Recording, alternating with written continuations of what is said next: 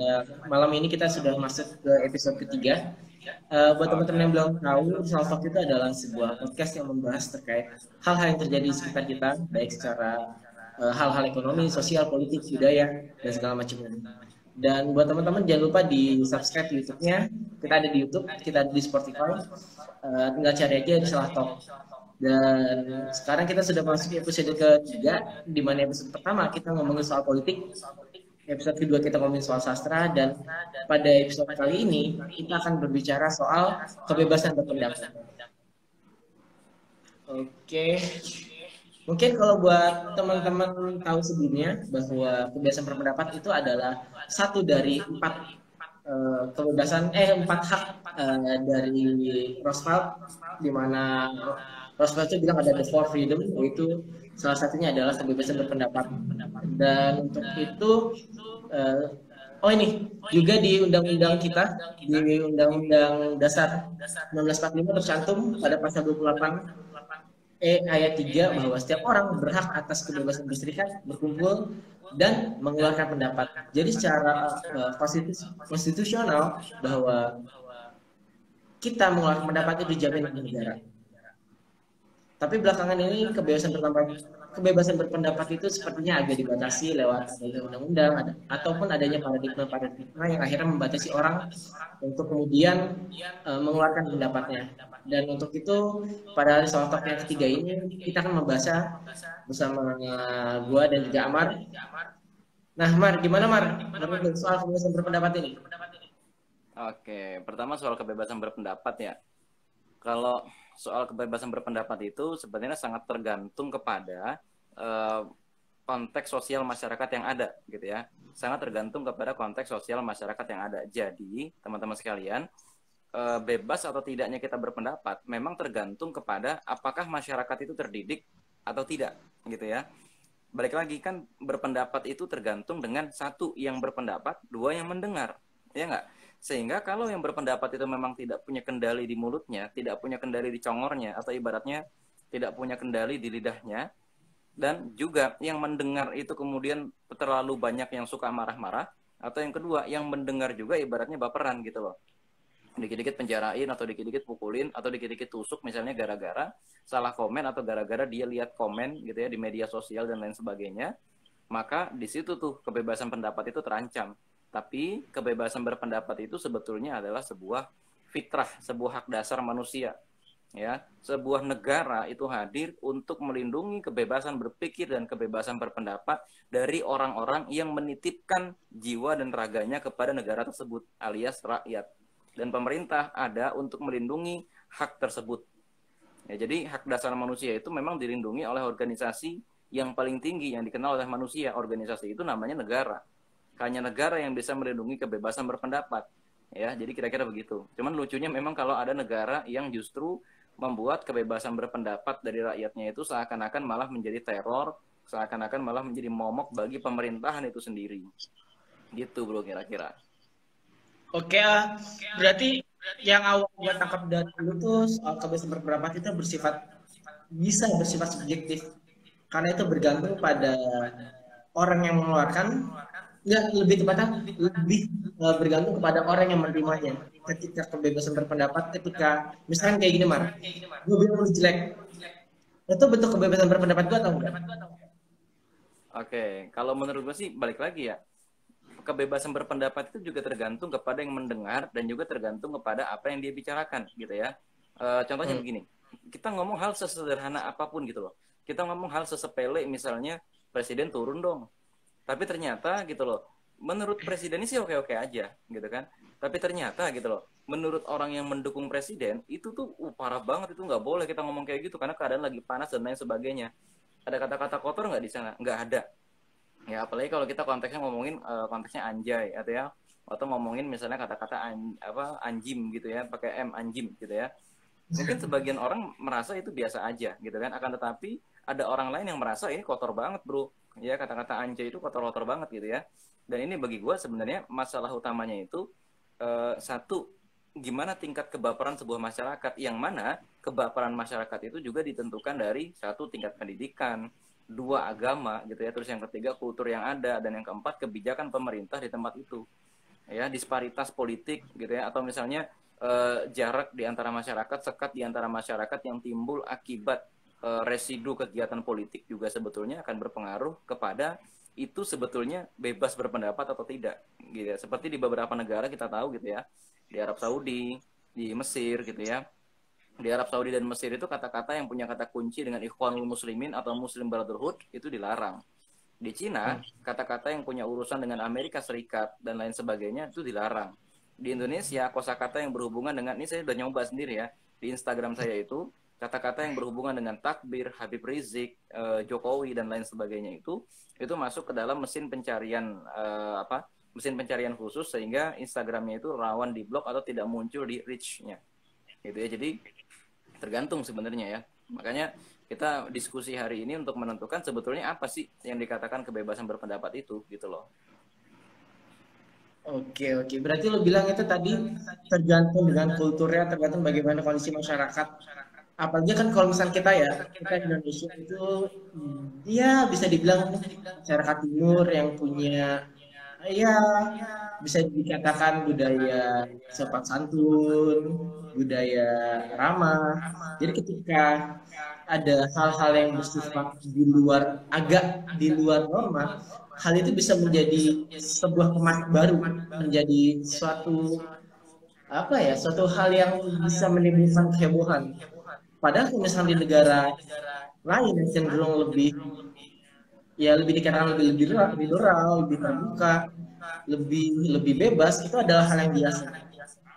Kayak misalkan uh, gue ambil contoh di Amerika. Di Amerika itu orang-orang protes uh, terkait Donald Trump itu sampai dibikinin bonekanya, sampai boneka dibikin aneh-aneh, sampai diinjek-injek, sampai dibanding-banding.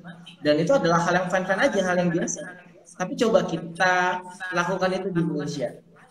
Kita bikin boneka dengan bentuk seperti presiden kita dan kemudian kita uh, bikin buat macam-macam ya pasti menimbulkan sebuah kontroversi yang ya yang bisa membuat keributan dan ya bisa apa ya? Ya bisa bisa akhirnya membuat kita kita celaka gitu. Sedangkan kalau di Amerika itu adalah hal yang ya wajar-wajar aja nah sekarang kalau menurut gue baik lagi ya masalahnya itu Eh, kebebasan berpendapat itu tadinya digunakan untuk melindungi orang yang ingin membongkar ketidakadilan apa yang terjadi di sekeliling dia. Orang membakar boneka presiden misalnya, orang membakar bonekanya Donald Trump. Kenapa di Amerika itu dibiarkan? Karena kultur demokrasi itu bukan kultur kebebasan berpendapat, tapi kultur demokrasi itu adalah kultur di mana keadilan harus ditempatkan sesuai dengan keinginan mayoritas. Sementara hmm. berarti dengan begitu gitu ya, dengan begitu ini konsep dasar demokrasi dulu ya. Konsep dasar demokrasi keadilan adalah apa yang disepakati oleh mayoritas. Ya, bukan berarti kita bicara jorok itu dilarang gitu ya. Kalau di sana ibaratnya dalam tanda kutip kita ngomong fuck itu disensor, ya kan? Kita ngomong fuck yeah. di di sana itu disensor nggak kayak orang sini kan baru belajar bahasa Inggris ngomongnya fuck shit dan lain sebagainya gitu nggak? Di sana disensor, gitu kan? Di sana disensor. Dan kalau itu dilakukan di sini apakah berarti itu tidak melanggar kebebasan berpendapat misalnya? ya kan? Nah balik lagi konsep demokrasi itu e, sebetulnya agak agak gimana ya? E, di satu sisi relnya beda dengan kebebasan berpendapat gitu ya. Karena apa? Kebebasan berpendapat dan demokrasi itu persamaannya bukan kepada kebebasan ngomongnya, akan tetapi kita harus bicara ketika terjadi ketidakadilan. Di situ kita berhak untuk bicara ya. Ketika terjadi ketidakadilan kita berhak untuk bicara. Contoh misalnya begini kita bongkar kebijakan pemerintah yang ternyata kebijakan pemerintah itu memproduksi kemiskinan baru ya. Kebijakan pemerintah itu memproduksi kemiskinan baru atau kebijakan pemerintah itu menyerobot tanah gitu ya. Menyerobot iya. lahan yeah. atau menyebabkan rakyat bertengkar. Kemarin kebongkar misalnya ada tim buzzer istana gitu ya yang ternyata angkanya hampir 90 miliar. Ketika itu kita bongkar itu harus dilindungi oleh kebebasan berpendapat. Akan tetapi misalnya kalau sampai eh, ada kata-kata yang berhubungan dengan ya misalnya kata-kata kotor, mulai ngatain pribadi dan lain sebagainya. Nah, ini yang kemudian bisa kena ke eh, undang-undang IT tadi, bisa kena kepada masalah pelanggaran kebebasan berpendapat. Karena kebebasan berpendapat jangan sampai masuk ke ranah pribadi misalnya kan gitu. Dan sebelum ada undang-undang ITE sendiri sebenarnya ternyata gue menemukan ada uh, KUHP pasal 322 kalau nggak salah yang menyatakan seseorang tidak boleh membongkar rahasia pribadi gitu loh. Artinya uh, jangan sampai ada orang yang membuka rahasia negara yang padahal rahasia itu tujuannya untuk kebaikan juga. Akan tetapi sekarang misal ketika kita menemukan keburukan sebuah korporasi ada sebuah korporasi kan biasanya begitu ya sebuah korporasi buang limbah ke sungai ada wartawan yang ngangkat tapi ternyata kemudian wartawan itu dilaporkan ke polsek ternyata kenanya deliknya undang-undang IT dilaporkannya begitu.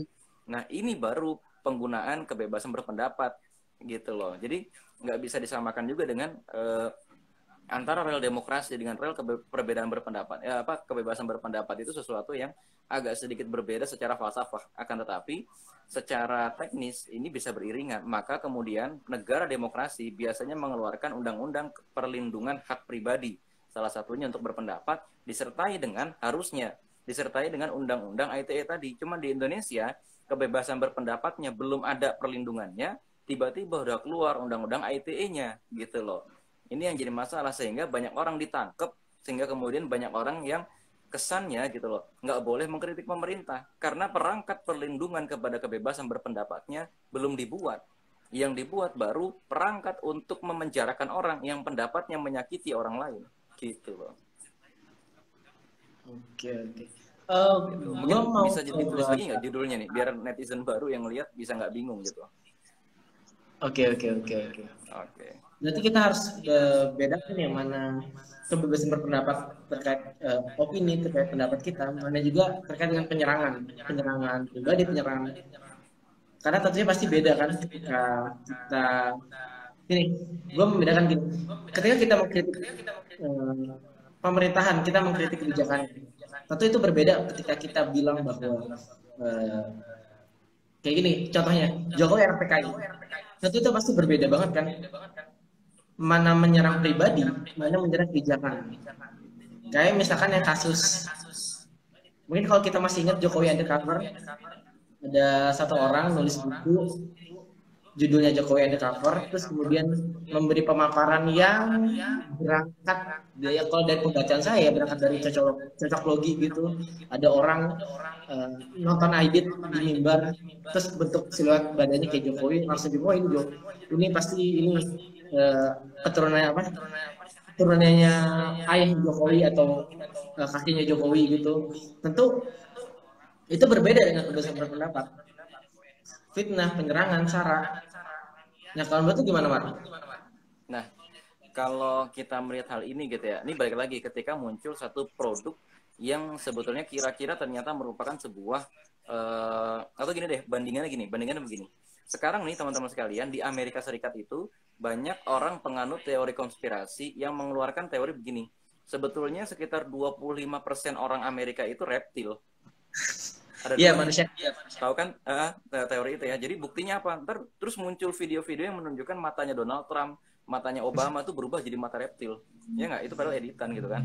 Yeah. Itu yang pertama. Yang kedua, orang Amerika tuh percaya uh, mereka itu keturunan alien sebetulnya dan Donald Trump itu adalah raja alien. Ya kan? Dan itu teman-teman sekalian, kalau ditulis di Indonesia, contoh misalnya ternyata Jokowi adalah ras alien atau kita tulis misalnya PKS adalah uh, apa namanya Eh, PKS adalah transformasi PKI dengan simbol-simbol keislaman. Kan PKS sudah sabitnya tuh. Kita tinggal tunggu munculnya aja tuh. Mana partai yang ada simbol palunya ya nggak?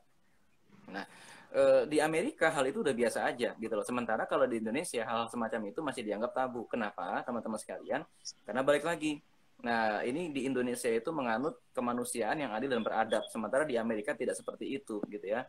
Nah, masalah e, pengertian adab inilah yang kemudian jadi jebakan, gitu loh jelas gitu ya di Indonesia norma yang dipakai adalah norma agama. Tidak seperti di Amerika norma yang dipakai adalah norma kesepakatan norma demokrasi. Norma demokrasi beda dengan norma agama berbeda dengan di Indonesia. Nah norma agama inilah yang kemudian membuat rakyat Indonesia bisa membatasi dan bisa mengetahui batasan mana kritik yang ditujukan untuk membongkar kebijakan negara yang tidak relevan mana kritik yang digunakan untuk menyerang pribadi saja dan ini tidak bijak Nah, itu sebabnya sekarang para pejabat negara atau para caleg atau para capres yang bersaing kebanyakan menggunakan buzzer, menggunakan tangan pihak ketiga sehingga usernya itu nggak kena delik hukum. Tapi yang kena delik hukum kalau keterusan itu cuma alat-alatnya mereka itu. Sebagian orang-orang MCA, Muslim Cyber Army memang adalah orang-orang bayaran. Dan sebagian buzzer RP ya, tahu kan ya buzzer RP ya, pendukung-pendukung rezim, padahal mereka ini sebetulnya bukan pendukung rezim, akan tetapi sengaja dibayar untuk apa? Untuk seakan-akan mereka itu mendukung rezim, padahal menjatuhkan citra rezim dengan cara mereka komentar yang kurang baik gitu ya. Hmm. Itu yang kemudian harus kita kita awasi gitu loh. Ini nggak dewasa gitu ya. Kritik itu sangat bagus dan harus dilakukan kepada negara gitu ya. Mau itu negara monarki ah, monarki religi sekalipun gitu ya, monarki teologi sekalipun. E, seperti di negara Arab Saudi misalnya kritik harus dilakukan. Akan tetapi kalau ternyata kritik itu menggunakan kata-kata yang kotor atau kritik itu mulai menggunakan hal-hal yang tidak baik gitu ya. Saya rasa ranahnya itu bukan negara yang main, ranahnya itu harusnya norma yang main gitu loh. Ranahnya itu masyarakat sendiri yang menindak itu. Nah, ini yang kemudian jadi kebablasan. Di Amerika ketika muncul buku-buku semacam itu, agama alien ya, agama penyembah e, sapi gitu ya, muncul agama penyembah apa tuh e, tugu di depan Pentagon gitu ya, tugu di depan Gedung Putih gitu ya ketika muncul agama-agama penyembah semacam itu, maka yang muncul di sana adalah buku-buku yang membantah hal itu, teman-teman sekalian. Ya, buku-buku yang membantah kebenaran mengenai itu. Di Amerika lagi contohnya misalnya ada film judulnya Noah, ya. Uh, terus ada lagi judul uh, The Ark kalau nggak salah ya. Itu judul film-film uh, itu teman-teman sekalian mempersonifikasikan ulang Nabi Nuh. Dan di Amerika nggak jadi masalah, tapi di negara-negara yang menganut norma agama itu jadi masalah. Nah makanya teman-teman sekalian sebenarnya kembali kepada masalah Jokowi undercover atau sebelumnya ada buku gurita Cikeas gitu ya dan lain sebagainya atau juga muncul eh, sejarah berdarah Wahabi karangan Idah Rom pada saat itu yang sempat bikin rame gitu ya yang itu isinya fitnah kepada aliran Wahabi tapi ditulis oleh seseorang gitu loh ini sebetulnya balik lagi kepada norma agama setempat gitu ya nah cuman balik lagi kedewasaannya bagaimana? Jangan dikit-dikit marah gitu kan? Gitu kira-kira. Oke oke. Uh, berarti uh, tadi di bertanda kita bisa dibilang bahwa kebebasan berpendapat kita tidak bebas sepenuhnya. Karena tadi uh, kita mau kemanusiaan yang beradil dan beradab. Ada kata adab di sini di mana pada akhirnya masyarakat itu harus uh, tanpa negara ikut campur. Negara itu bisa harus apa ya namanya nah, masyarakat itu bisa menjadi garda terdepan dalam hal uh, kebebasan berpendapat ini. Uh, eh, gue ada satu apa ya potongan tulisan dari Muhammad Hatta. Muhammad Hatta itu pernah menulis, uh, eh, gue lupa, pokoknya dia nulis itu ketika sudah tidak menjabat jadi wakil presiden. Dia itu menuliskan uh, katakan yang berjudul bahwa kemerdekaan ada batasnya. Hatta itu kemudian menuliskan bahwa kemerdekaan itu ada batasnya. Batasnya apa? Ketika kemerdekaan yang dimiliki seseorang membuat orang lain tidak merdeka. Kayak misalkan kita punya apa ya? Kita punya linggis lah, kita punya linggis. Linggis itu punya kita. Uh, kita beli pakai duit kita, tapi kita gak bisa pakai linggis itu buat ngancurin properti orang. Kita gak bisa pakai linggis itu untuk ngancurin kaca rumah orang, Nah, mungkin kaitannya dengan kebebasan berpendapat ini, oke, okay, kita beli HP nya sendiri. Kita beli pulsa sendiri, kita apa ya? Kita kita ma, kita mengeluarkan pendapat kita di akun kita sendiri. Tapi pada akhirnya, ketika kita mengeluarkan itu di depan uh, media sosial, itu menjadi bukan milik kita lagi, tapi sudah memiliki bersama. Dan untuk itu uh, perlu ada tanggung jawab dari diri sendiri untuk ya bertanggung jawab atas opini kita tersebut. Karena kalau tadi yang lu bilang mas soal kemanusiaan yang adil dan beradab. Oke, kalau misalnya kita berkaitan dengan itu gitu ya, eh, semua orang itu punya mulut dan semua orang itu punya keyboard, semua orang punya jempol, ya nggak? Dan untuk yeah. itu sebetulnya kehadiran negara itu diperlukan untuk menjembatani kepentingan semua orang.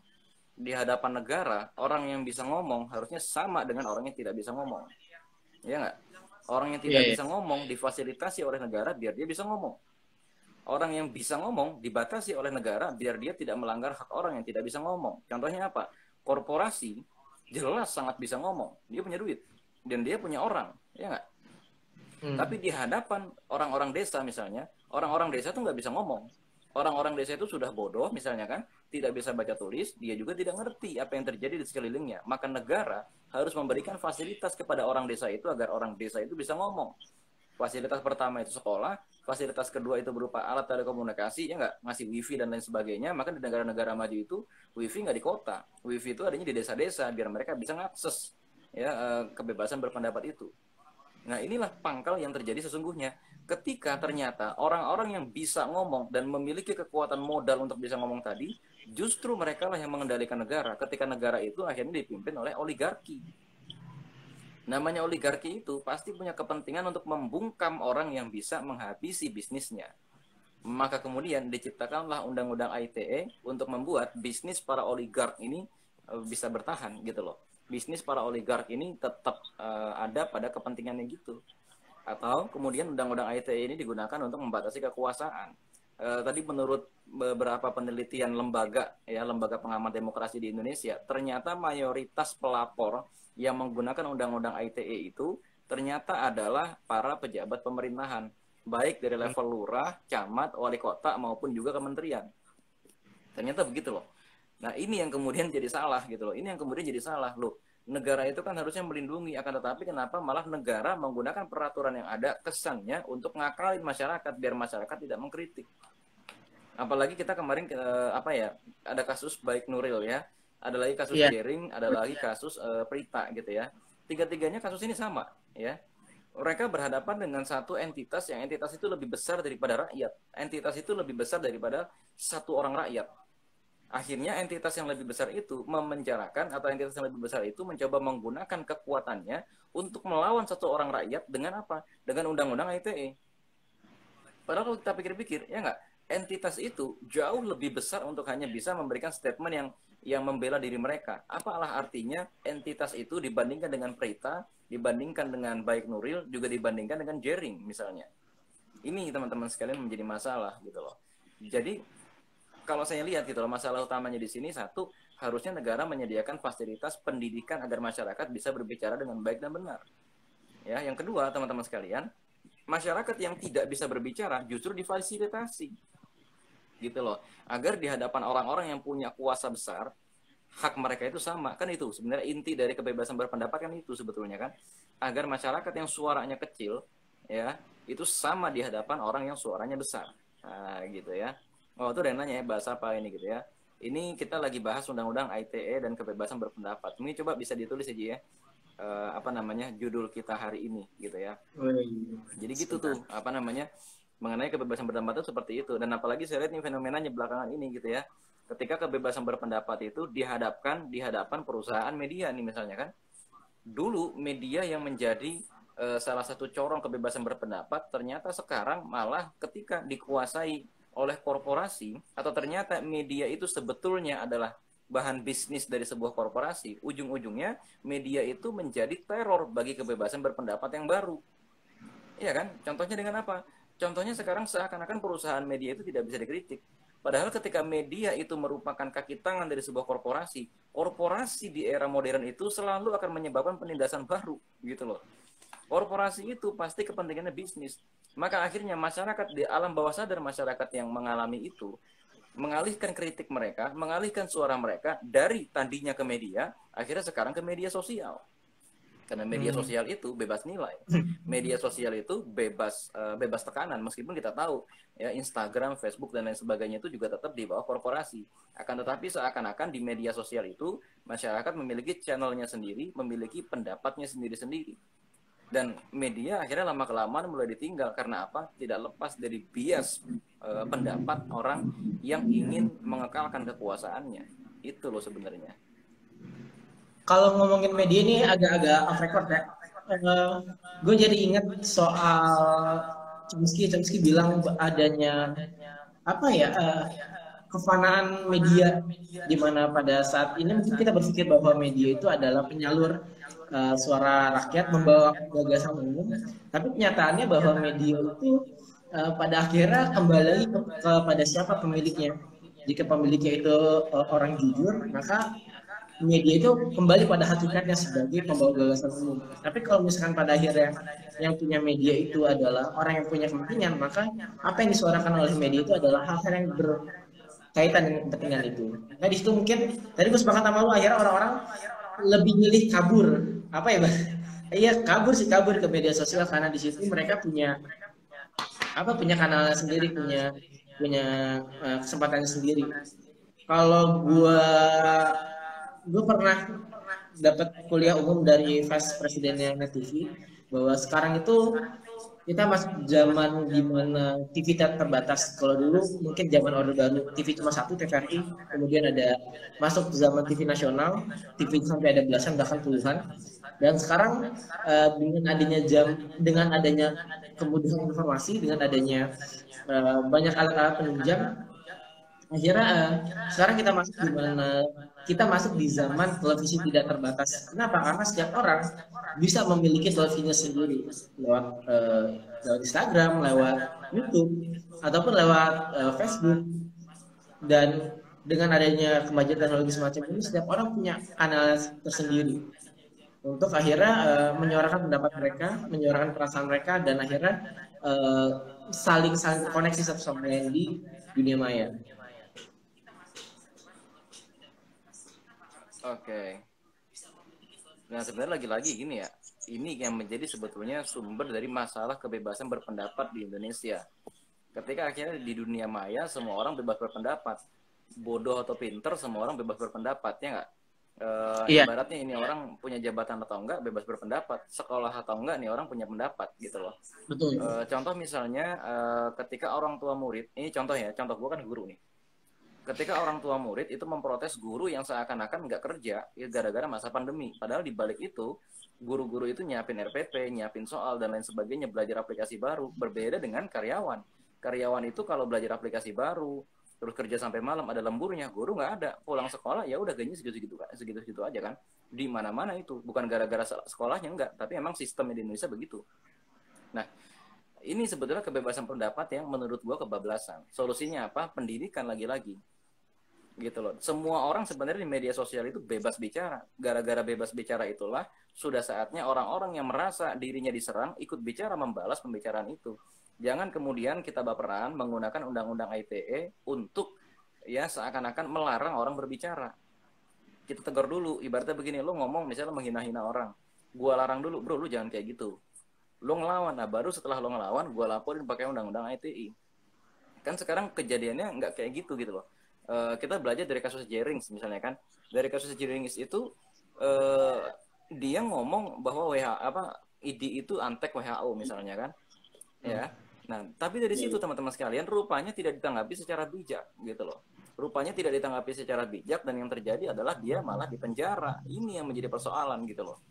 Dan ini juga kemudian yang menimpa kepada orang-orang yang uh, kasus pribadinya itu dibongkar di media sosial ya nggak Malah yang di penjara itu kebanyakan orang yang merasa privasinya terganggu yang ada dalam video itu. Nah, ini lucu nih menurut gua gitu kan. Makanya lagi-lagi uh, eh, gue sih kadang-kadang suka mikir ya, jangan-jangan konsep media sosial yang ada di Cina tuh kali yang bener ya. Dia pakai mesin pencari sehingga ketika ada warga negara atau penduduk menggunakan kata kunci tersebut, ya ketangkep atau akunnya nggak nongol, akunnya bisa dan masuk kepada catatan hukum. Meskipun tidak dihukum terlebih dahulu, tapi cuma ditunggu sampai poin-poin sekian gitu kan baru kemudian orang ini ditangkap gitu loh. Jangan-jangan yang benar seperti itu tapi kalau menurut gue ya ekstrim juga sih kalau misalnya nanti di Indonesia dilacak juga tuh orang-orang yang menggunakan kata kunci Jokowi dan lain sebagainya gitu kan. Dan sebenarnya ya e, lebih daripada itu sebenarnya gitu ya bukan masalah kita ngeposting apa sebenarnya gitu loh. Akan tetapi lagi-lagi kedewasaan kita. Gue pernah bikin postingan persoalan nikah misalnya. Tapi tiba-tiba ada netizen yang ngomel-ngomel ngamuk-ngamuk awalnya gue tanggepin gitu loh. Nggak tahunya setelah gue searching ini orang siapa sih gitu gue lihat akunnya gitu kan ternyata ini anak SMP gitu loh. Yang boro-boro ngomongin nikah gitu kan ibaratnya ini orang uh, maksudnya kasarnya gitu ya suka sama orang aja nggak bisa gitu loh. Suka sama orang aja belum belum belum ngerti hormonnya belum kerja gitu loh. Ini orang hmm. tiba-tiba udah ngomel-ngomel di uh, fit mengenai nikah. Nah ini kan menurut gue kebebasan berpendapatnya gimana gitu loh.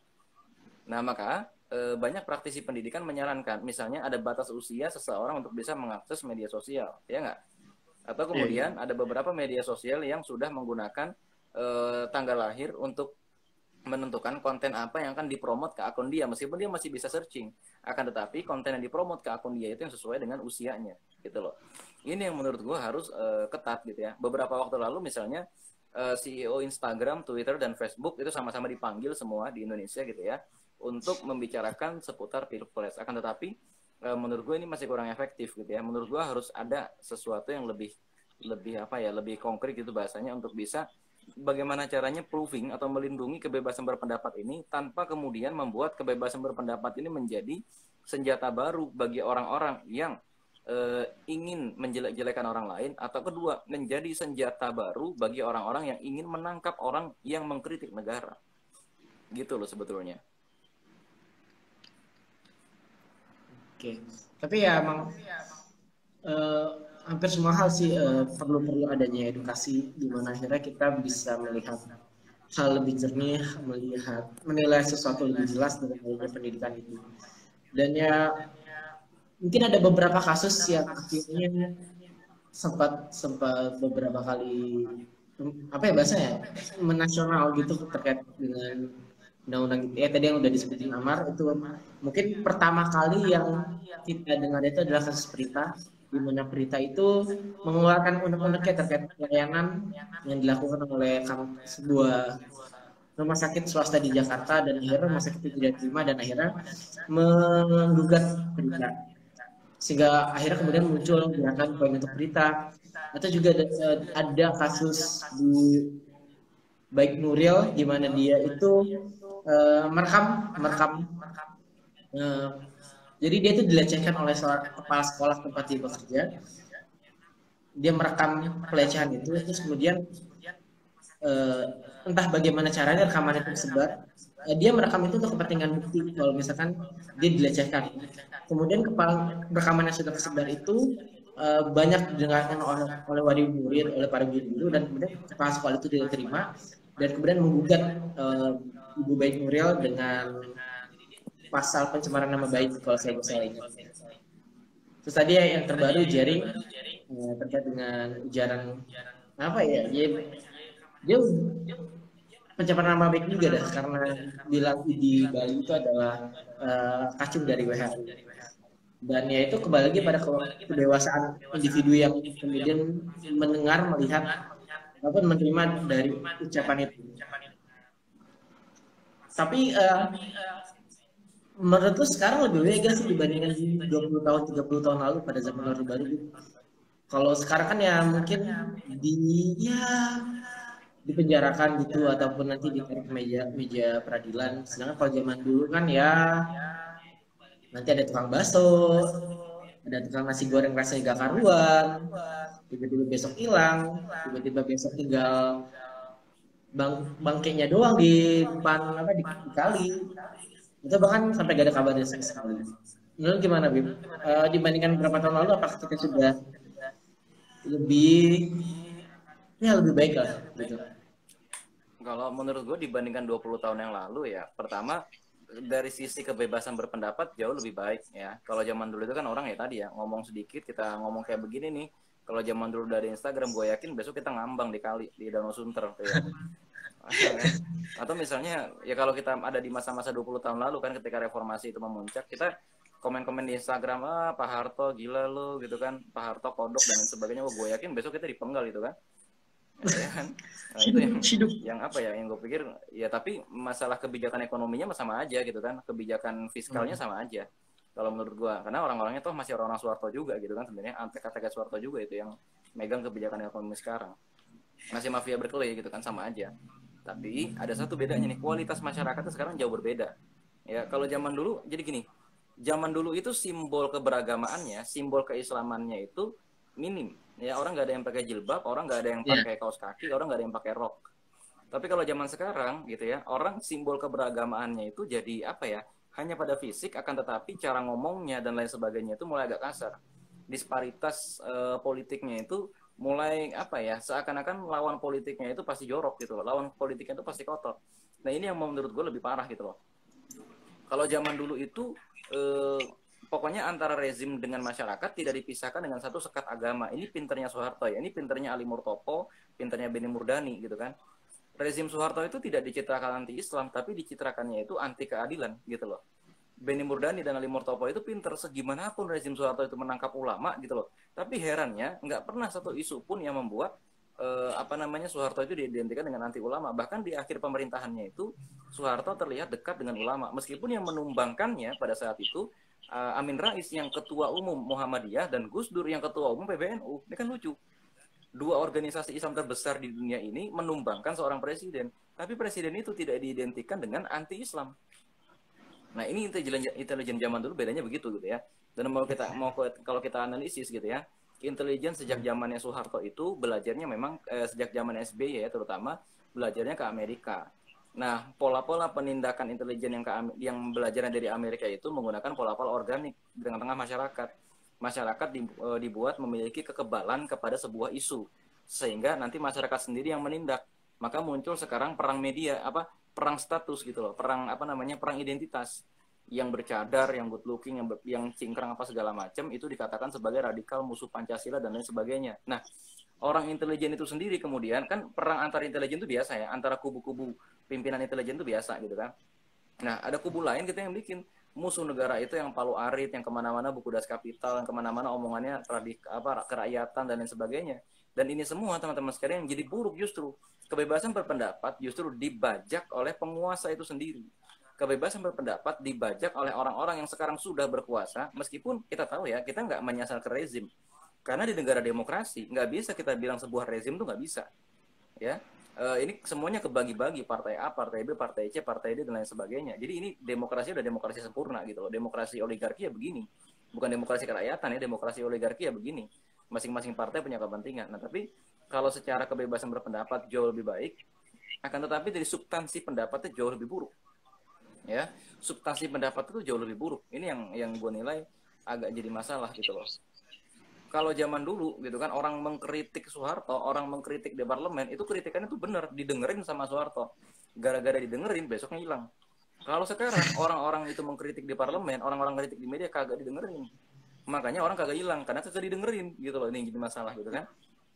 Itu yeah. loh iya. yang yang jadi masalah. Dan yang kedua yang jadi masalah sekarang yang menggunakan atau yang menyalahgunakan kebebasan berpendapat itu ya justru bukan elemen pemerintahan, tidak seperti zaman dulu, justru malah elemen-elemen ormas atau elemen-elemen uh, ya ormas ormas gitu ya terutama ya ormas atau kelompok-kelompok masyarakat atau korporat-korporat yang merasa kepentingannya terancam. Banyak sekarang ormas tuh geruduk sendiri, yang zaman Soeharto nggak ada begitu. Ya asal ini, wah ini diskusinya nih uh, melawan Pancasila nih digeruduk gitu ya, yang jadi korban siapa HTI. Atau di satu sisi ada satu ormas diskusi tentang komunisme digeruduk, padahal itu dalam kampus ya kan? Ini juga salah. Maka gitu ya menurut gua harus ada satu sistem yang lebih kuat lagi untuk melindungi kebebasan berpendapat. Akan tetapi dunia pendidikan juga harus merespon. Dengan cara apa? Memberikan stimulasi agar orang-orang yang berpendapat itu pendapatnya betul-betul bisa dipertanggungjawabkan. Itu loh yang menjadi persoalan gitu ya. Sekarang kan lucu semua orang bisa berpendapat di media sosial. Semua orang punya kebenarannya sendiri-sendiri. Meskipun ada yang kebenaran ada yang kebetulan kan begitu akan tetapi negara seakan-akan tidak hadir gitu loh. Ya malah seakan-akan negara itu kayak membiarkan saja orang-orang berperang sendirian dan malah cenderung menggunakan perang-perang itu untuk mengekalkan kekuasaannya, untuk mengekalkan kepentingannya di sebuah negara. Ini yang jadi masalah kan sekarang perang identitas gitu kan.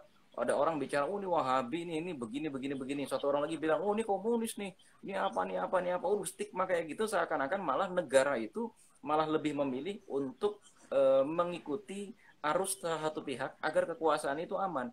Negara tidak bisa berlaku adil.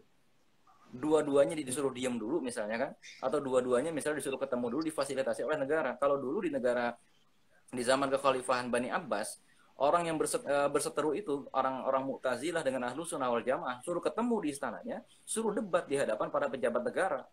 Mana hmm. yang menang gitu loh, mana yang menang itu yang dilindungi dikasih hadiah gitu loh. Meskipun ujung-ujungnya di apa zaman raja-raja selanjutnya dari dinasti Abbasiyah e, ketika negara secara resmi menggunakan mazhab Mu'tazilah gitu ya orang-orang halus wal jamaah itu dibunuh-bunuhin. Akan tetapi e, sebagai permulaan e, kebebasan berpendapat negara harusnya memfasilitasi itu. Nggak kayak sekarang tapi nggak heran juga gitu loh. Ini akibatnya kalau orang-orang yang duduk di kursi menteri, orang-orang yang duduk di kursi pemerintahan itu bukan orang yang terbiasa berdialektika, akan tetapi orang-orang yang terbiasa menjabat hanya gara-gara mereka kaya atau menjabat hanya gara-gara mereka dijadikan tokoh oleh orang lain. Bukan orang-orang yang biasa diskusi, bukan orang-orang yang biasa berdebat gitu loh. Bukan orang-orang yang didewasakan di kultur pergerakan kampus, bukan orang-orang yang didewasakan di kultur keormasan yang kuat gitu loh. Sehingga mereka itu ketika menjabat baperan, kan gitu yang menjadi masalah itu ya kalau menurut gua. Gua jadi tertarik yang yang tadi yang terakhir bilang soal gimana pada akhirnya pejabat publik kita tidak terbiasa dengan dialektika. Kalau misalnya kita mundur ya 70 tahun lalu lah 70 70 tahun lalu di mana pada saat itu sedang terbangun dasar negara pada saat eh, sedang sengit-sengitnya sidang konstituante di mana pada akhirnya di situ ada PNI, ada Masyumi, ada PKI sedang berdebat keras gitu uh, terkait uh, permasalahan dasar negara para negarawan-negarawan kita pada saat itu benar-benar terbuka dan benar-benar bebas di mana pada akhirnya si apa orang Masyumi itu bilang uh, PKI itu murtad, bagaimana orang uh, PKI itu nyerang balik Masyumi sebagai burju, burju apa? Burju agama. setan desa. juga sih soalnya kiai-kiai pada kaya gitu.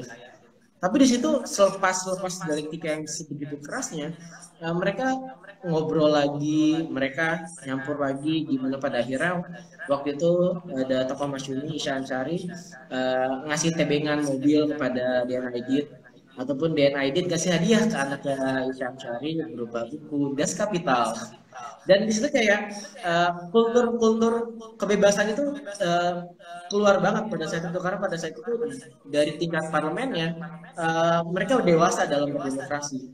Dan kalau zaman sekarang ya yang dibilang tadi ketika berbeda paham langsung diserang pribadinya diserang uh, kekurangannya. Misalkan kayak ada beberapa kasus akhirnya banyak pejabat-pejabat yang ya dalam tanda kutip sedang menjatuhkan dibuka ya apa ya dibuka aibnya gitu. Misalnya dia punya istri dua istri ketiga istri keempat atau dia ternyata selingkuh atau ternyata dia ya macam-macam. Dan akhirnya di situ uh, menurun pada ya kalau kita ngomongin soal politik pasti akan berpengaruh kepada akar rumput. Dan ketika uh, gaduh di atas tentu akan lebih gaduh lagi di bawah. Karena uh, diskusi-diskusi yang keras dan tidak konstruktif tentu akan menghasilkan hal-hal uh, yang bisa destruktif untuk rumput gimana pada hari kayak inilah kayak sekarang ini.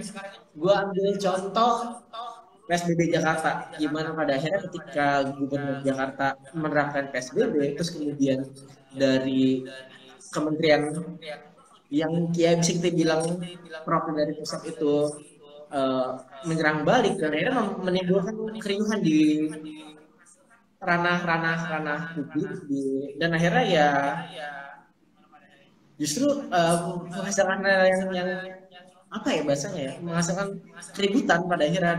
Dan yang bisa kita lihat di bawah akhirnya banyak orang-orang yang tidak tidak tidak tidak patuh menghasilkan orang-orang yang tidak tidak tidak mengikuti peraturan dan bahkan sampai uh, menyerang balik peraturan itu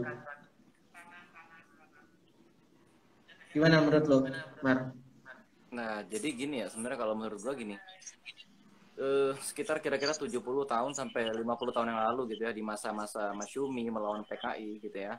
Sebenarnya gestur politik atau bahasa tubuh politik gitu ya dari uh, tokoh-tokoh nasional kita itu merupakan reaksi dari apa yang terjadi di tengah-tengah masyarakat.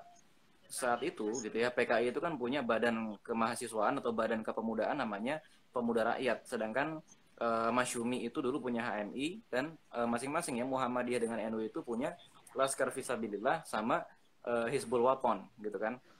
Nah, itu tiga-tiganya itu bunuh-bunuhan gitu kan. Uh, dulu gue pernah dapat cerita gitu ya bahwa di kampus UNJ itu pernah orang-orang HMI itu bacok-bacokan gitu loh sama orang-orang pemuda rakyat di IKIP gitu ya, di IKIP dan belum lagi di jalan-jalan gitu di berbagai macam daerah terjadi yang seperti itu. Oleh sebab itu untuk mencairkan suasana yang seperti itu ya untuk membuat rakyat itu tidak bergolak lebih jauh, maka pemimpin-pemimpin politik kita itu saling bergandengan. Dan bedanya kalau zaman dulu itu pemuda-pemuda, kelompok-kelompok masyarakat itu tidak dibayar. PKI itu memang ormas-ormasnya banyak dari Gerwani apa segala macam memang fakta sejarah orang-orang PKI itu ngebacok-bacokin ulama dan sebaliknya orang-orang Islam sendiri orang masyarakat Islam itu juga ngebacok-bacokin orang PKI gitu loh. Tapi semuanya itu bergerak atas dasar pemikiran bukan gara-gara dibayar gitu loh.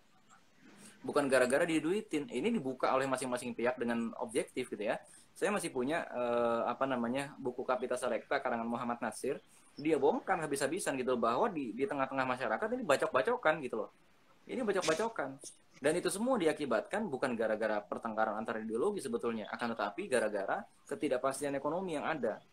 Maka eh, para orang-orang yang dianggap mewakili ideologi tersebut, ya mereka-mereka yang dianggap mewakili ideologi tersebut, eh, Muhammad Nasir, Isa Ansori, Aidit dan lain sebagainya itu di atas di hadapan publik mereka menampilkan gestur bersahabat tadi. Nah kalau sekarang gitu ya, ini kurang diperhatikan yang seperti itu gitu loh. Coba kita lihat misalnya antara Prabowo, Jokowi dengan Megawati tempur terus ya nggak? Uh, antara SBY sama Megawati sampai sekarang nggak mau salaman, itu kan misalnya kan? Yeah. Sampai sekarang nggak mau salaman, ya nggak? Apalagi orang-orang PKI benci banget sama SBY kenapa ya? SBY kan uh, menantunya Sarwo Edi Wibowo, ya nggak?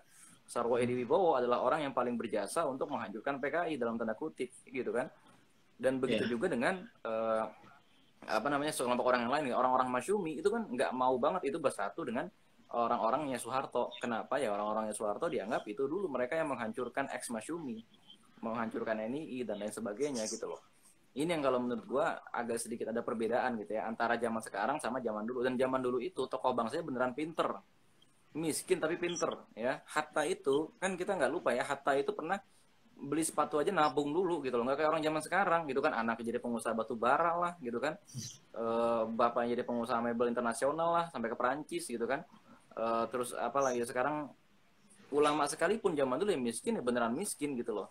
E, ya kan? Nggak ada menteri yang punya perusahaan tambang lah gitu kan. Apa ini itulah nggak ada gitu loh. Justru pada saat itu pemerintah itu menjadi musuh korporasi gitu kan karena pemerintah menjadi musuh korporasi dan berkaitan dengan kebebasan berpendapat tadi pemerintah itu pendapatnya masih cenderung bisa diterima oleh masyarakat. Statement-statementnya itu masih bisa diterima oleh masyarakat karena dianggap juga mewakili masyarakat.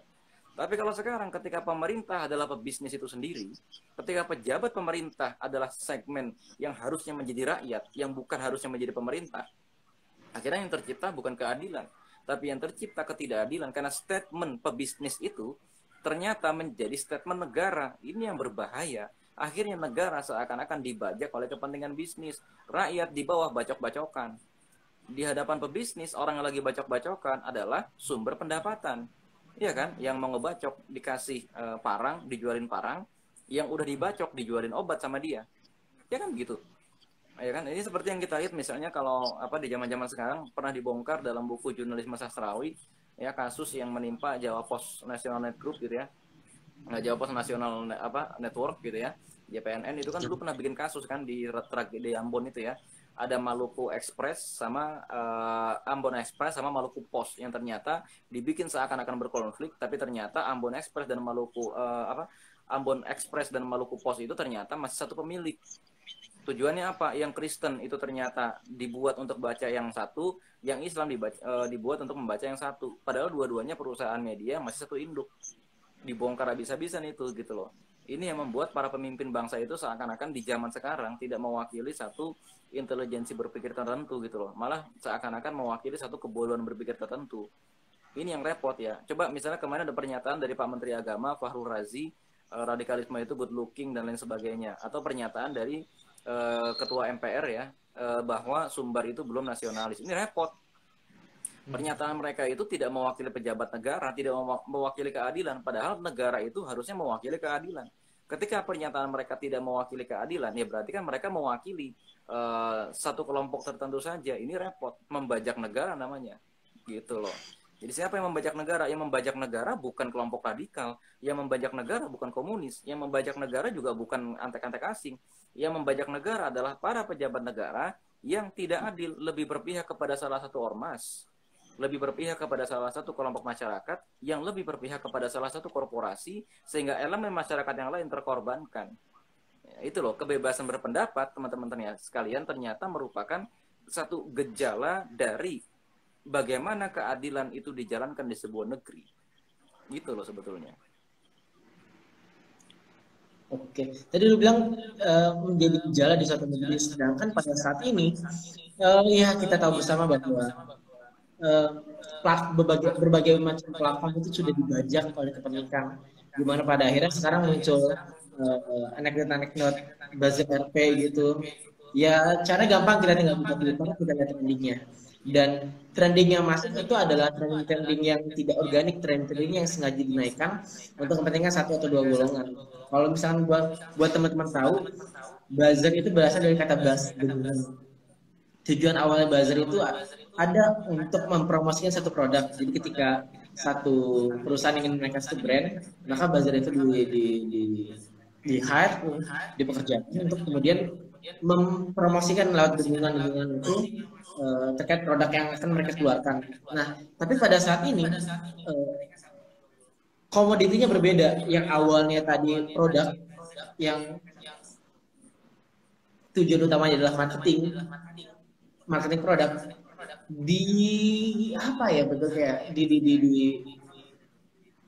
sama juga sih untuk mempro untuk mempromosikan produk mereka itu uh, tokoh politik, uh, entah itu juga kebijakan, entah itu juga uh, berbagai macam uh, kepentingan-kepentingan, misalnya kayak gini, rakyat Kalimantan ter apa ya bisa dibilang ter, ter terganggu dengan adanya sawit karena sawit itu uh, merusak lahan mereka, menggulingkan mereka.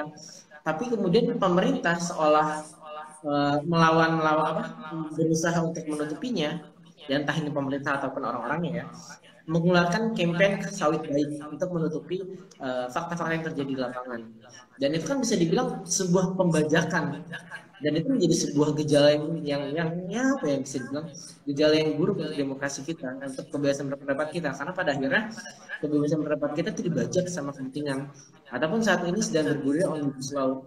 Di mana pada nyatanya omnibus law itu menyengsarakan uh, kaum kaum buruh lewat berbagai pasal-pasalnya yang akhirnya uh, merugikan para pekerja. Tapi seakan-akan itu juga baik dengan cara menyewa influencer, menyewa buzzer. Kalau teman-teman tahu banyak artis yang akhirnya uh, membuat post di saat yang bersamaan dengan tagar yang bersama yaitu Indonesia Butuh Kerja. Yang ternyata setelah dibaca itu adalah uh, postingan-postingan yang mengarah ke mendukung adanya omnibus law ini. Nah, menurut lu gimana Bib soal ini?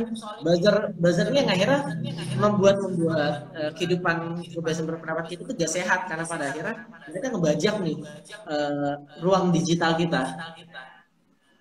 Nah, balik lagi ya sebenarnya ini resiko ketika kebebasan berpendapat itu dibuka sebebas-bebasnya gitu loh. Resikonya apa? Semua orang bebas bicara dan resikonya apa? Karena semua orang bebas bicara, di dunia nyata, di dunia luar sosmed, boleh nggak kita ngumpulin seseorang, ngumpulin 100 orang, ngumpulin 1000 orang, mereka kita briefing untuk ngomongin satu isu, sehingga seakan-akan mereka itu mewakili satu entitas isu. Terus kemudian salah nggak kalau satu orang ternyata megang 10 akun, yang ternyata akhirnya dari 1000 orang itu tergandam menjadi 10.000 akun. Sebenarnya secara teknis nggak salah. Sebenarnya begitu. Akan tetapi teman-teman sekalian, yang salah siapa? Gitu loh. Yang salah itu apa? Yang salah adalah tingkat literasi di tengah-tengah masyarakat yang masih kurang gitu loh. Ini yang menjadi persoalan dan itu juga sebabnya gitu ya. Sekarang akhirnya masyarakat pelan-pelan mulai meninggalkan media, mulai meninggalkan yang namanya pers. Karena pers sendiri ternyata ya tidak menyajikan kebenaran yang real. Itu yang pertama. Terus yang kedua, teman-teman sekalian, yang jadi masalah di sini menurut gue juga bukan buzzernya. Ya, yang menurut gue hmm. yang jadi masalah di sini adalah siapa operator di belakangnya gitu loh dan di sinilah negara itu harus hadir. Operasi intelijen itu harusnya begini yang diarahkan gitu loh. Bukan kemudian malah nangkepin orang-orang yang mengancam kekuasaan akan tetapi intelijen itu harusnya nangkepin orang-orang yang meresahkan masyarakat. Buzzer itu kan sekarang ada yang ngomporin ada yang menyuruh Jokowi mundur ya nggak? Ada yang ngomporin Jokowi itu PKI ada yang ngomporin Habib Rizik itu Wahabi ada yang ngomporin NU itu gimana ya kan? Ada yang ngomporin apa? Banser itu dijelek-jelekin dan lain sebagainya ya nggak menurut gua intelijen harusnya kerja untuk menangani masalah itu. Bukan kemudian malah melarang masyarakat berpendapat gitu loh. Buzzer beda ya dengan masyarakat umum gitu ya. E, buzzer yeah. adalah memang orang yang secara terencana melakukan buzzing sebuah isu ya nggak? Kalau dia tidak terencana dia juga bukan dibilang sebagai buzzer tapi dia cuma dibilang sebagai ya mungkin e, sebatas influencer aja gitu ya. Sementara buzzer itu punya satu isu khusus punya satu target khusus. Sementara influencer hanya mewakili dirinya sendiri dan ketika influencer akhirnya dikumpulkan dan influencer itu akhirnya kemudian dititipi sebuah isu ya influencer itu berubah kurvanya. Dia menjadi buzzer. Nah yang menjadi masalah intelijen itu harusnya begitu gitu loh. Ya sama seperti misalnya kalau di Jepang kenapa di Jepang itu uh, isunya berjalan lebih jinak daripada di Indonesia? Karena intelijennya main di sana.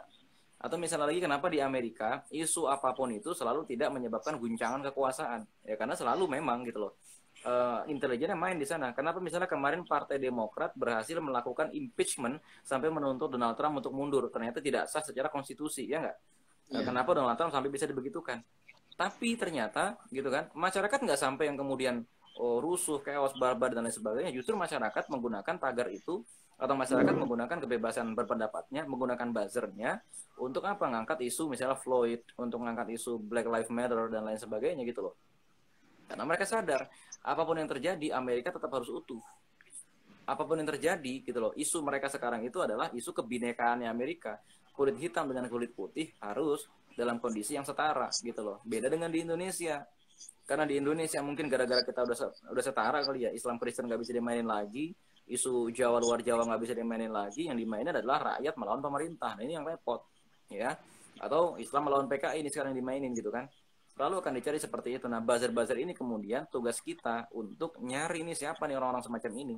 Dan tugas orang-orang yang ada di intelektual uh, generasi, bukan generasi ya, yang ada di kotak ketiga intelektual kan kotak pertama itu kan para cendekiawan ya kan terus kotak kedua itu adalah orang-orang yang menjadi guru-guru, orang-orang yang menjadi apa dosen-dosen dan lain sebagainya. Nah, kotak ketiga itu para aktivis, ya enggak? Kotak ketiga itu para aktivis, orang-orang yang sedikit lebih pinter daripada masyarakat, tapi sedikit lebih bodoh daripada profesor gitu kan, mencoba menghubungkan pola pikir profesor dengan pola pikir masyarakat gitu loh. Nah, pola keempat, uh, kotak keempat itu kan masyarakat umum, yang mereka itu kan sukanya nyebarin hal-hal aneh di grup keluarga gitu loh. Nah, mereka itu yang kemudian harus kita uh, apa namanya harus kita edukasi itu loh e, sebenarnya yang terjadi sekarang gitu ya jangan sampai kebebasan berpendapat ini malah mengakibatkan e, munculnya mata pencaharian baru. Berupa apa? Ya tadi berupa munculnya buzzer-buzzer yang bekerja untuk sebuah isu. Dan ini juga sebenarnya e, sebenarnya buzzer itu fenomena apa sih? Fenomena miskinnya atau fenomena rendahnya pendidikan politik. Minimnya kaderisasi politik. Ini kan tokoh-tokoh politik menggunakan cara-cara yang tidak etis ya enggak Dulu yeah. sebejat-bejatnya PKI misalnya, sebejat-bejatnya PKI, mereka itu bikin pers namanya Bintang Timur. Ketuanya Pramudia Anantatur, nggak buzzer mereka tampil. Siapa gue nih jelas orangnya gitu loh. Senggak jelas nggak jelasnya Mas Yumi, mereka tuh tampil bikin koran gitu loh, bikin koran suara apalah dan lain sebagainya gitu loh. Tokonya tampil di hadapan publik, mereka nggak bikin Uh, paling banter mereka pakai nama samaran tapi nggak bikin buzzer dan lain, dan lain sebagainya. Karena apa? Pendidikan politiknya berhasil. Mereka manggung gara-gara pantas manggung. Ini sekarang kebanyakan yang nyewa buzzer adalah orang-orang yang nggak pantas manggung tapi pengen manggung. Ini yang repot akhirnya mereka pakai buzzer kan begitu yang jadi masalah. Selesai itu ngasih beberapa pendapat nah, gimana pada akhirnya fenomena Brazil yang akhirnya uh, dalam hal ini membajak ruang demokrasi kita, ruang digital, ruang demokrasi digital kita terjadi karena para uh, politikus itu tidak apa ya tidak tidak tidak pintar dalam menaikkan citranya dalam hal mempromosikan dan akhirnya mereka menggunakan pihak ketiga untuk akhirnya menaikkan diri mereka ataupun mengangkat isu-isu yang ingin mereka uh, sampaikan gitu. Nah, terus kayak menurut gimana bukunya pada akhirnya? Karena kalau kita ngomongin soal kualitas uh, politikus kita ya sorry to aja ya kualitas kualitas politikus kita itu ya kurang-kurang bagus enggak pada akhirnya pada setiap pilkada pada setiap uh, pilgub akhirnya sosok-sosok populer dari orang non partai di ajak masuk ke dalam partai karena ya mesin politiknya tidak berjalan, mesin kadernya tidak berjalan. Oke. Nah, ini ya yang sebenarnya jadi masalah gitu loh. Zaman sekarang itu banyak orang yang sekedar terkenal aja. Sekedar terkenal terus kemudian nggak punya wacana politik, nggak punya narasi politik. Akhirnya mereka menggunakan buzzer ya antara kapasitas melawan publisitas gitu loh. Karena mereka tidak punya kapasitas akhirnya yang dibazirin apa? Yang dibazirin adalah kesalahan lawan-lawan politiknya. Atau kemudian keberhasilan hmm. orang distempel menjadi keberhasilan dirinya sendiri. Kan sebenarnya nggak ada yang salah dari buzzer ya nggak? Nggak ada yang salah gitu loh. Kita senang-senang aja melihat keberhasilan Indonesia ya nggak? Senang-senang aja melihat keberhasilan Pak Jokowi gitu loh. Senang-senang aja melihat keberhasilan partai-partai ya, senang-senang aja. Dan itu yang kemudian kita secara sukarela membazir gitu loh akan tetapi yang jadi masalah itu kemudian ketika uh, keberhasilan orang atau ketika kebodohan orang itu dibuzzer gitu loh dicari kebenarannya dicari seakan-akan kebodohan itu menjadi kebenaran itu yang masyarakat muak. Nggak ada yang salah dengan ngebuzzer kan awalnya? Nggak ada yang salah gitu loh. Memamerkan keberhasilan pemerintah misalnya ketika negara lain itu sudah mengalami kekacauan harga barang Indonesia enggak masih aman-aman aja ya enggak ketika negara-negara lain misalnya mengalami eh, bahkan ya beberapa negara itu kan meliburkan sekolahnya selama enam bulan ya enggak Indonesia enggak tetap masih jalan sekolahnya dengan penyesuaian kurikulum. Nah ini teman-teman sekalian yang membuat eh, masyarakat tuh enak sebenarnya gitu loh. Karena yang bukan keberhasilan tetap dianggap sebagai keberhasilan. Dan yang diangkat itu selalu yang merupakan kemarahan-kemarahan gitu loh. Yang diangkat misalnya siapa musuh negara gitu-gitu loh yang diangkat. Bukan hal-hal yang cerdik gitu loh bukan hal-hal yang kemudian bisa merajut kebersamaan kita sebagai sebuah bangsa yang yang jadi gini loh kenapa sih kita tuh selalu ngebuzzer hal yang sifatnya persatuan tapi selalu persatuan itu berakibat kepada uh, penisbian atau uh, yang berakibat kepada uh, stempel kepada sebuah kelompok bahwa kelompok itu bukan bagian dari Indonesia gitu loh Kenapa sih harus seperti itu? Kan ini negatif sebenarnya kan. Nah itu yang kayak gitu tuh yang iya. gak usah dibuzzer gitu loh. Seakan-akan misalnya begini kemarin ketika terjadi pelarangan kepada uh, HTI, semua orang yang seakan-akan menggunakan simbol Islam sama dengan HTI ini repot. Sama aja ketika di zaman Soeharto gitu kan di tahun 90-an dan 80-an ada isu mengenai jilbab gitu loh. Wanita berjilbab itu dulu dianggap sebagai pembuat onar yang suka menebarkan racun di pasar-pasar. Begitu juga dengan PKI. Kenapa sih seakan-akan semua orang yang bukan Islam atau seakan-akan semua orang yang anti Islam itu dianggap sebagai PKI ini juga nggak bagus menurut saya gitu loh ini juga nggak bagus uh, kan sama kan gitu kan akhirnya kan sebagian elemen Muslim Cyber Army juga akhirnya melompa, uh, melakukan kezoliman dan sebagian buzzer-buzzer di tanah juga melakukan kezoliman nah di sini titik kebebasan berpendapat itu jadi berbahaya buat yang berpendapat itu sendiri undang-undang IT tadinya dilakukan digunakan untuk melindungi itu kalau kita masih ingat beberapa waktu yang lalu ada akun namanya Minang Kocak, ingat nggak? Ya Minang Kocak sama Ngaka Kocak. Nah dua akun itu teman-teman sekalian tuh jahat. Jahatnya kenapa? Video ceramah ulama di dubbing, gila nggak? Ya kan? Video ceramah ulama sampai di dubbing gitu. Ini kan gila gitu kan? Ulama-ulama salafiyah diadu domba dengan kiai-kiai dari Asy'ariyah, kiai-kiai NU, diadu domba. Wah ini gila ini gitu. Ini ini udah niradab gitu loh. Akhirnya kenapa? berbeda dengan politik, berbeda dengan pemimpin secara politik, masyarakat e, iman atau gini, e, kepatuhan masyarakat kepada ulama atau penghargaan masyarakat kepada ulama itu penghargaan yang juga sifatnya batin, bukan penghargaan yang cuma sifatnya pride atau kebanggaan. Akhirnya ketika ulamanya diganggu, mereka siap mati demi ulamanya. Karena bagi mereka agama Islam itu agama yang menawarkan keadilan, gitu loh. Ini kebablasan menurut saya gitu loh. Ini yang yang juga E, makanya gitu loh, lain kali kalau kita milih pemimpin itu atau lain kali kalau kita milih caleg sekalipun, ya ini pilihlah caleg yang biasa dibesarkan di lingkungan diskursus politik yang baik gitu loh, bukan caleg-caleg yang kemudian cuma sekedar-sekedar dia terkenal, sekedar-sekedar dia itu punya masa yang banyak. Biasanya dia akan menggunakan buzzer, itu aja sebenarnya. Yang ini ya, kalau di posternya itu 80% gambar dia, 10% visi misi, 10% nomornya. Iya, terus pilih saya ya gitu. Ngapain gue milih lu kenal juga kagak, tapi ternyata kan tim dia di lapangan nyebar duit itu gitu aja kerjaannya. Iya, iya. Itu sih. Sama ini uh... Oh ya, ada yang merasa dicuekin penontonnya dicuekin. Ya biar aja. Nonton dicuekin. Oke, uh, mungkin kita udah lewat satu jam. Uh, ada beberapa hal yang tadi kita bahas, sebagai kita ngomongin soal uh, tanggung jawab dalam hal uh, kebebasan berpendapat, di mana pada akhirnya kebebasan berpendapat itu mempunyai karakteristik yang berbeda dari masing-masing uh, wilayah, dari masing-masing negara, dan juga bagaimana kebebasan berpendapat itu akhirnya uh, mengalami distorsi lewat berbagai macam hal. Nah, mungkin uh, karena udah lewat satu jam ini mungkin dari lebih mau ada closing statement gitu Oke ya teman-teman sekalian, gitu. uh, closing statement ya mengenai kebebasan berpendapat. Tadi ini kan kita lagi ngomongin masalah undang-undang IT gitu ya. Gue sih cuma bilang gini aja, kedewasaan aja gitu ya. Kedewasaan berpendapat. Dalam Islam sekalipun misalnya gitu kan, kita nggak usah lah membesar-besarkan perbedaan fikih gitu loh, ya nggak? Ada yang beranggapan celana cingkrang itu wajib, ada yang berpendapat celana cingkrang itu cuma sunnah muakkadah, ada yang, beranggapan celana cingkrang itu sunnah biasa bukan sunnah muakadah ya udah hargai aja ya ada yang beranggapan merokok itu haram ada yang beranggapan rokok itu makruh ada yang beranggapan rokok itu mubah ya udah hargai aja itu kalau soal agama dan kalau soal politik apalagi kebijakan politik itu teman-teman sekalian tidak bisa disalahkan secara hukum. Kenapa? Di hadapan hukum harusnya semua kebijakan politik itu dianggap sebagai uh, apa ya itikat baik untuk memajukan negara gitu loh. Sesuai dengan landasan ideologinya masing-masing ya kan? Dan begitu juga misalnya kalau ada orang berpendapat macam-macam, nah di luar forum itu yang baru nanti kita urus gitu loh. Dan kita juga dewasa, jangan kemudian kita tuh mudah ngata-ngatain orang, mudah ngejudge orang, mudah memberikan stigma kepada orang gitu loh.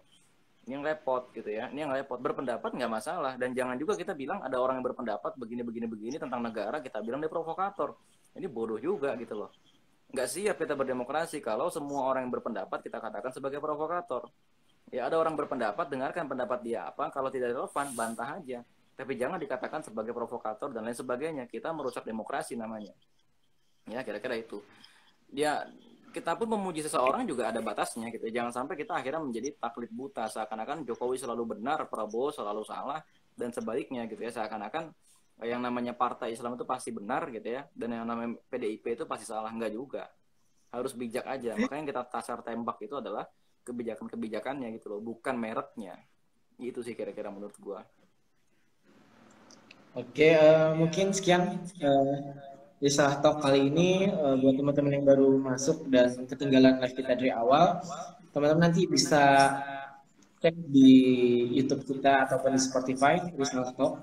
Episode ketiga uh, kita ngomongin soal uh, kebiasaan berpendapat dan mungkin uh, sekian untuk kali ini. Terima kasih buat teman-teman yang udah gabung.